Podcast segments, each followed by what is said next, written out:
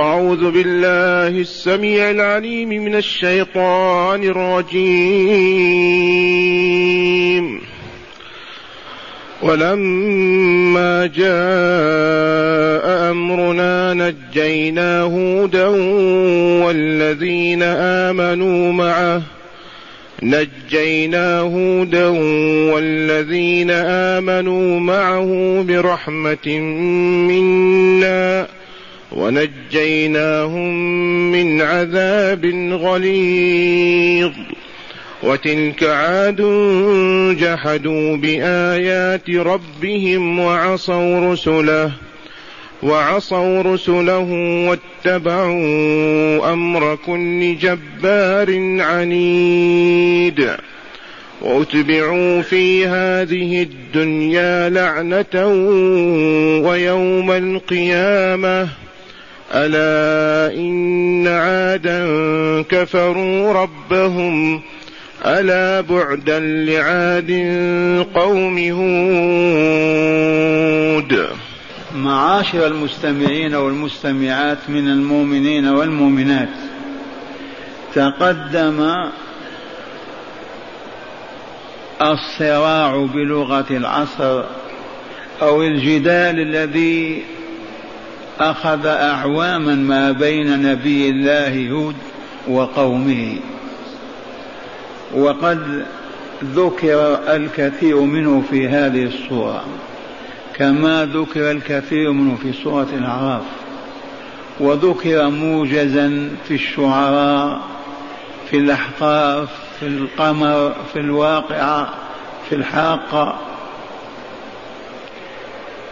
وهنا بعدما بلغ رسول الله هودا رسالته.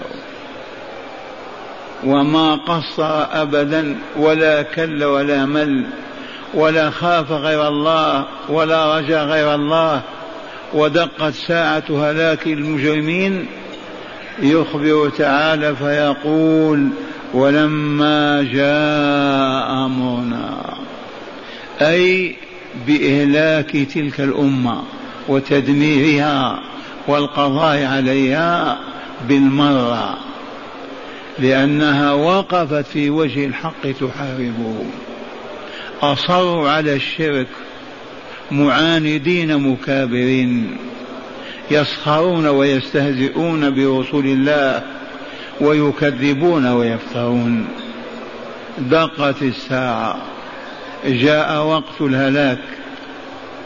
فقال تعالى ولما جاء أمرنا بإهلاكهم نجينا هودا والذين آمنوا معه برحمة منا. إي نعم أمر الله هودا أن يخرج مع المؤمنين والمؤمنات وأن يخرجوا من تلك الديار ديار الأحقاف جنوب الجزيرة. حضر موت إلى العراق. أخرجوا وكانوا قرابة ثلاثة آلاف. ونزحوا آخذين طريق الشمال حتى انتهوا إلى مدائن صالح. وعاشوا هناك وأنجبوا وولد منهم أولاد وبعث الله فيهم صالحا. ولما جاء أمرنا نجينا هودا والذين آمنوا معه برحمة منا. انظر كيف كانت الصاعقة. قال تعالى الحاقة ما الحاقة وما أدراك ما الحاقة كذبت ثمود وعاد بالقارعة. القارعة فأما ثمود فأهلكوا بالطاغية. صيحة واحدة خرجت قلوبهم. والله ما هي إلا صيحة واحدة. تلك الطاغية. وأما عاد فأهلكوا بريح صرصر. لها صوت عاتية قوية. سخر عليهم سبع ليال وثمانية أيام حسوما. سبع ليالي وثمانية أيام وعند الفلاحين يوم يقال له قرة العجوز. موجود إلى الآن عند الفلاحين وهو أن عجوزا كافرة مشركة هربت لجأت إلى غار في داخل جبل. فاليوم الثامن تلك العاصفة تدور دوران في ذلك الغار وأخرجتها وصرعت على باب الجبل فهلكت ثم تسمى بقرة العجوز. سبع ليال وثمانية أيام حسوما فترى القوم فيها صرعا كأنهم أعجاز نخل خاوية. تعرفون النخل إذا ماتت وألقيت على الأرض لطولها والقوم كانوا طوال الأجسام يضرب بهم المثل في طول أجسامهم إلى ستين ذراعا. إذا وقال في سورة القمر كذبت عاد كذبت عاد كذبت عاد فكيف كان عذابي ونذر؟ إنا أرسلنا عليهم ريحا صرصرا إنا أرسلنا عليهم ريحا صرصرا في يوم نحس مستمر. زيد كأنهم أعجاز نخل منقعر. وفي الأحقاف صورتهم يقول تعالى كذبت واذكر أخا عاد أي هودا واذكر يا رسولنا لقومك للعظة والاعتبار. اذكر أخا عاد إذ أنذر قومه بالأحقاف. وقد خلت النذر من بين يديه ومن خلفه ألا تعبدوا إلا الله إني أخاف عليكم عذاب يوم عظيم. قالوا أجئتنا لتأفكنا عن آلهتنا؟ فأتنا بما تعدنا إن كنت من الصادقين. قال إنما العلم عند الله وأبلغكم ما أرسلت به إليكم ولكني أراكم قوما تجهلون. فلما رأوه عارضا مستقبل أوديتهم أي السحاب قالوا هذا عارض ممطرنا بل هو ما استعجلتم به ريح فيها عذاب أليم تدمر كل شيء بأمر ربها فأصبحوا لا يرى إلا مساكنهم. كذلك نجزي القوم المجرمين. أكبر أمة في الأرض عتوا وعلوا.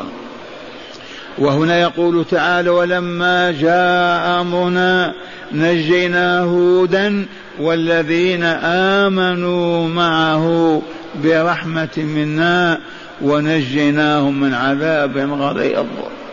هذا العذاب الغليظ هو عذاب الريح العاصفة وهو عذاب يوم القيامة. نجاهم من عذابين عذاب الدنيا وعذاب الآخرة. والمشركون هلكوا بعذابين عذاب الدنيا وعذاب الآخرة. إذ قال تعالى والذين آمنوا مع هود نجيناهم برحمة منا خاصة ما هي بقوة ولا قدرة ولا أسباب ولا ولا. نجاهم برحمة خاصة منه. ونجيناهم من عذاب غليظ واللفظ يشمل عذاب الصاع هذه الريح العاصفة ولكنه عذاب الآخرة. ثم قال تعالى وتلك عاد وهذه عاد. اسمعوا يا كفار قريش يا مشرك العرب المعاندين المكابرين. هذه عاد جحدوا بآيات ربهم وعصوا رسله. كما جحد المشركون في مكة وعصوا رسول الله صلى الله عليه وسلم. فليستفيقوا وليفيقوا من غفلتهم. وتلك عاد عاد وما أدرك ما عاد. القوية. قوية وإلا لا؟ أقرأ من سورة الفجر ماذا قال؟ إرم ذات العماد التي لم يخلق مثلها في البلاد. طول أحدهم ستين ذراعا أو ثلاثين والله أعلم. إذا قال تعالى وتلك عاد جحدوا بآيات ربهم التي أوحاها إلى رسوله هود وأنزلها عليه تلك الآيات شرائع وأحكام عقائد وآداب وأخلاق.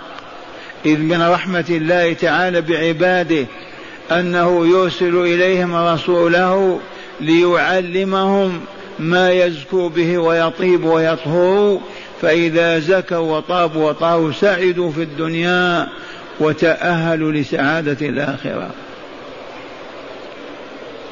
وانظر من أمريكا إلى اليابان إلى الصين إلى أمم الكفر كلها. أليست في حاجة إلى رسول ينقذها مما هي فيه؟ أليس الفسق والفجور والظلم والشر والفساد والهبوط البشرية أندية اللواط والعياذ بالله تعالى؟ هذه الحال ليست في حاجة إلى رسول؟ الجواب بلى بل هي في حاجة. أين الرسول؟ ها هو محمد صلى الله عليه وسلم وهذا كتابه الذي نزل عليه وهذه سنته هؤلاء أتباعه. لم لا يؤمنون؟ لم لا يفدون على المسلمين ويطلبون النجاة من شركهم وكفرهم ثم من عذاب الدار الآخرة؟ ختم الله الرسالات برسالة خاتم الأنبياء وتعهد بحفظها حتى لا يقول قائل يوم القيامة ما بعث إلينا رسولا. تعهد الله بحفظ هذه الملة. مهما اختلف أهلها فهي محفوظة إلى قيام الساعة. لماذا؟ حتى لا يقول قائل ما عرفناك يا ربي ما بعثت إلينا رسولا. فهذا القرآن الكريم محفوظ في السطور والصدور لم ينقص منه حرف واحد ولا زيد فيه حرف واحد إلى أن تنتهي هذه الحياة. والحجة قائمة. فهؤلاء الكفار المعرضون المتكبرون الجبابرة لولا رحمة الله عز وجل وأن بركة هذا النبي لا تصاب الأمم بالإبادة الشاملة. ولكن تنزل بهم عقوبات مرة شديد المرارة. وقوله وعصوا رسله مع أن الرسول واحد وهو هود عليه السلام لأن من كذب رسولا كذب الرسل كلهم. لأنهم كما قال نحن أولاد علات الأمهات شتى والأب واحد. الشرائع مختلفة ولكن الأصل أن يعبد الله وحده بما شرع.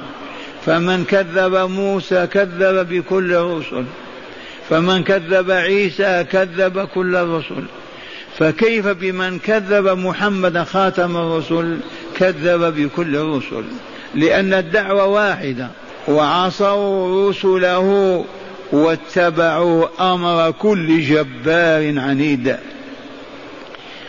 أمة كبيرة وضخمة وعظيمة وفيها أغنياء وفيها أبطال وفيها وفيها. والفقراء والضعفاء وكذا خوفوهم وهددوهم فصاعوا وذابوا وراءهم وأعرضوا عن دعوة الله ووقفوا في وجه رسول الله يهود وحاربوه متأثرين بالطغاة والجبابرة الذين كانوا يسودونهم ويحكمونهم. هل أعذرهم الله عز وجل؟ ما أعذرهم لا عذر لأحد أبدا إلا لعبد ما وجد من يعرفه بالله عز وجل. ولا بالطريق الموصل إليه وقد بحث عن ذلك وشرق وغرب وما وجد. ثم قال تعالى واتبعوا أمر كل جبار عنيد الجبار المتكبر العنيد المعاند الجبار الذي يجبر الناس على رأيه وعلى اعتقاده ليعتقدوه ويقولوا به. والعنيد كثير العناد. تقول السماء فوق يقول تحت الأرض فوق يقول السماء الأرض تحت. هذه المعاندة. لا إله إلا الله يقول آلهة عشرة.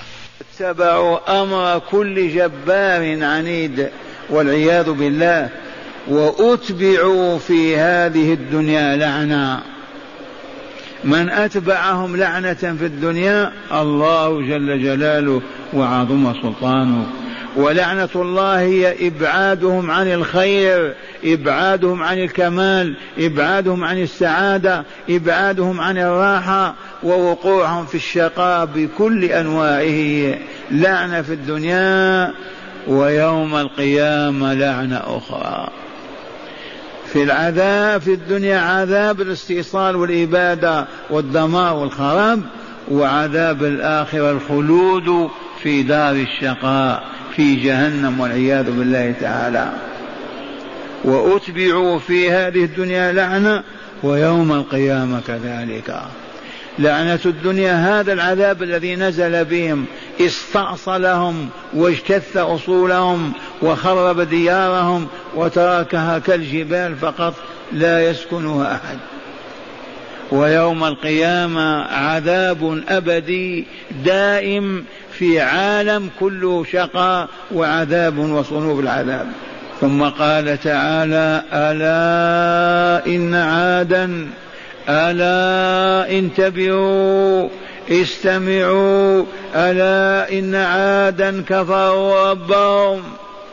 فيا ويل من كفر ربه أي جحده ولم يؤمن به جحد شرعه ولم يعمل به جحد رسوله ولم يصدق ويمشي وراءه جحد وعده ووعيده هذا هو الكفر. ألا إن عادا كفروا ربهم ألا إن عادا كفروا ربهم ألا بعدا لعاد قوم هود. ألا بعدا وهلاكا وشقاء وخسرانا لعاد قوم هود عليه السلام. وانتهت بهذه الآية القصة من سورة هود عليه السلام. بهذا الحكم الإلهي ألا إن عادا كفروا ربهم؟ ألا بعدا لعاد قوم هود؟ سحقا سحقا لهم. أين هم الآن؟ والله في دار الشقاء في عالم الشقاء في جهنم في تلك النار المتأججة تحت هذه الأكوان كلها. ومن قال كيف؟ نقول له غدا إن شاء الله في الضحى أرفع رأسك إلى الشمس. الساعة العاشرة. وانظر إلى هذا الكوكب النهاري. المشرق بالحرارة والنور. قال العلماء كوكب الشمس أكبر من الأرض من كوكب الأرض بمليون ونصف مليون مرة. هذا الكوكب من كوكبه؟ من حشاه بالنار وأججها فيه. من جعله يمشي طول العام طول الدهر. هكذا يشرق ويغرب في فلكه. إذا هناك عالم. هذا الكوكب الذي هو أكبر من الأرض بمليون نصف مليون مرة. ما يساوي بلل في صبعك إذا غمسته في النيل وإلا في البحر. عالم لا يعرف مداه إلا الله عز وجل. وعرض هذا على الرسول كالشاشة كشاشة عرفتموها. والله في هذا المحراب. وهو يصلي بالناس. فالركعة الأولى تقدم ومد يديه هكذا كأنما يريد أن يأخذ شيئا. فالركعة الثانية تقهقر ورجع الوراء وأشاح بوجهه هكذا. فقالوا يا رسول الله لم حصل منك كذا وكذا؟ قال عرضت علي الجنة. فرأيت عنقود عنب فهممت أن آخذه. ولو أخذته والله لأكلت منه الدهر كله. غير قابل للفناء. والثانية عرضت علي جهنم. ورأيت أكثر أهلها النساء. فلذلك أشحت بوجهي من لهبها. ما هو مجرد تلفاز واقع. ألا إن عادا كفروا ربهم ألا بعدا لعاد قوم هود ألا سحقا وبعدا لهم معاشر المستمعين والمستمعات لما أخذوا هذا الأخذ لأنهم كفروا بالله وبلقائه وبرسوله وبشرعه فهم لذلك استوجبوا هذا العذاب فمن أراد أن ينجو من عذاب الدنيا وعذاب الآخرة فليؤمن وليحقق إيمانه ليصبح به حيا واعيا بصيرا يقوى على فعل الخير ويقدر على ترك فعل الشر. هذا سبيل النجاة. وإلا فحولكم البشرية وسوف تنزل بها نقم إلهية. ويتوقع لها بلاء ما عرفته وطالت مدة الانتظار وما ربك بغافل عما يعمل الظالمون إن ربك لبالمرصاد وسوف تنزل بهم العقوبات الصارمة الشديدة قبل يوم القيامة. أسمعكم شرح الآيات من الكتاب. معنى الآيات ما زال السياق في هود وقومه. أي سياق الآيات. قال تعالى ولما جاء أمرنا أي عذابنا إذ الله أمر به. نجينا هودا والذين آمنوا معه برحمة منا أي بلطف وفضل ونعمة. لا بقوتهم ولا بحيلهم ولا ولا. ولكن بفضل الله. قال انفروا اخرجوا فخرجوا. أي بلطف وفضل ونعمة ونجيناهم من عذاب غليظ. هو عذاب يوم القيامة. فهما نجاتان. نجاة في الدنيا من عذاب الريح العقيم. الصرصر الذي دمرت كل شيء بأمر ربها ونجاة من عذاب النار يوم القيامة وهي أعظم. نجاهم الله بسبب ماذا؟ قولوا بإيمانهم وعبادتهم لربهم وحده دون من سواه. ذاك الإيمان الذي قواهم على العبادة واقدرهم عليها.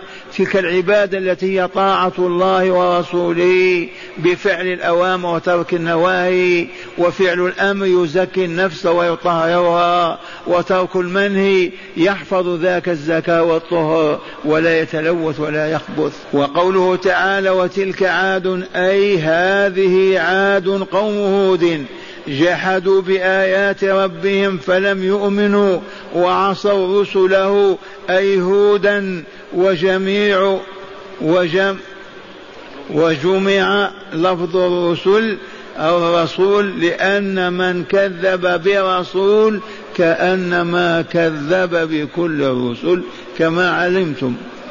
واتبعوا أمر كل جبار عنيد أي اتبعوا أمر دعاة الضلالة من أهل الكبر والعناد للحق فقادوهم إلى سخط الله وأليم عقابه. وقوله تعالى واتبعوا وأتبعوا في هذه الدنيا لعنة أي أتبعهم الله غضبه وسخطه وهلاكه ويوم القيامة كذلك وأشد. ويختم الحديث عن هذه القصة بقول الله تعالى ألا إن عادا كفروا ربهم أي جحدوا فلم يعترفوا بألوهيته وعبادته ألا بعدا أي هلاكا لعاد قوم هود فهل يعتبر مشرك قريش بهذه القصة فيؤمنوا ويوحدوا فينجوا ويفلحوا